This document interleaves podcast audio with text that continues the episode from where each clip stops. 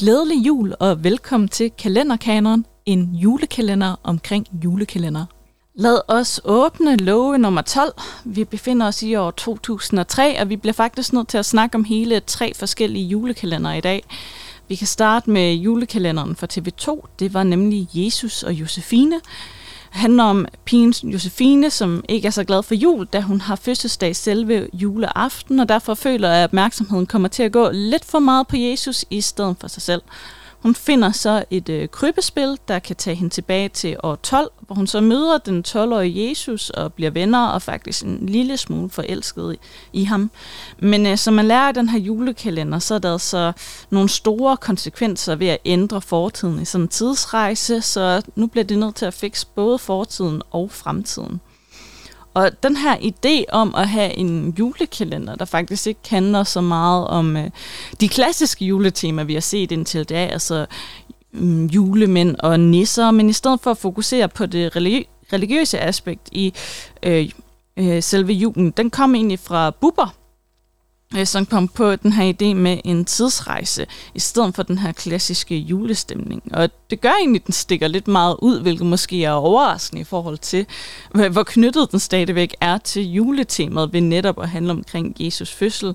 Men øh, det er altså ikke så tit, vi ser en julekalender, der faktisk kommer til at handle så meget omkring rest, øh, kristendommen i forhold til det her klassiske julekalenderformat. Men det var en yderst populær julekalender, og det var også en, øh, en sang til julekalenderen, som vi alle sammen kender med Jesus og Josefine. Det var Martin Brygman, som skrev alle de her sange til julekalenderen, men det var faktisk et lidt nyt format, de kørte med Jesus og Josefine, hvor før var vi vant til, at der skulle være sange i en julekalender, men det var en sange, som var en del af handlingen. Det var ofte karakterer, der sang dem. Så så man i stedet for Jesus og Josefine, at de her sange blev sunget af nogle ret kendte sangere, og så blev øh, indsat som sådan nogle musikvideoer i de forskellige afsnit. Og på grund af populariteten, vi så ved Jesus og Josefine, det gjorde, at vi fik ikke en efterfølger i form af en julekalender, men vi fik faktisk øh, en film, der kom til at hedde Oscar og Josefine.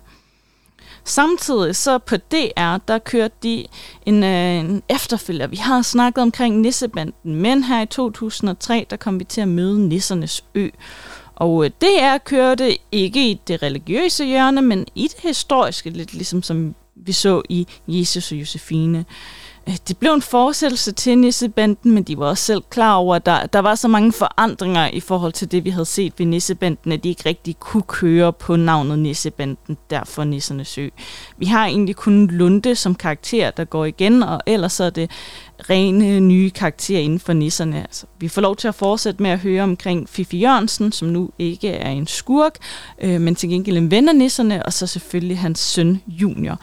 Øhm, og det er egentlig nogle gode nye karakterer, de får introduceret, og det er en rigtig sjov manuskript.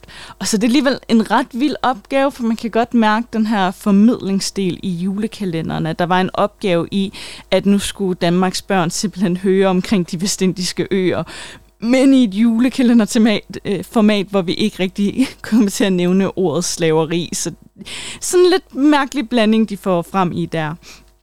Øh, men en rigtig sjov manuskript, de alligevel har fået med i det. Og så bliver man også nødt til at nævne, at i 2003, det er altså også året, hvor vi får voksenkalenderen Jul på Vesterbro, som er altså en legendarisk voksenkalender af skrevet af anden, og selvfølgelig også anden, der spiller de diverse roller i julekalenderen, som vi stadigvæk ser den dag i dag. Tak for denne gang, og glædelig jul.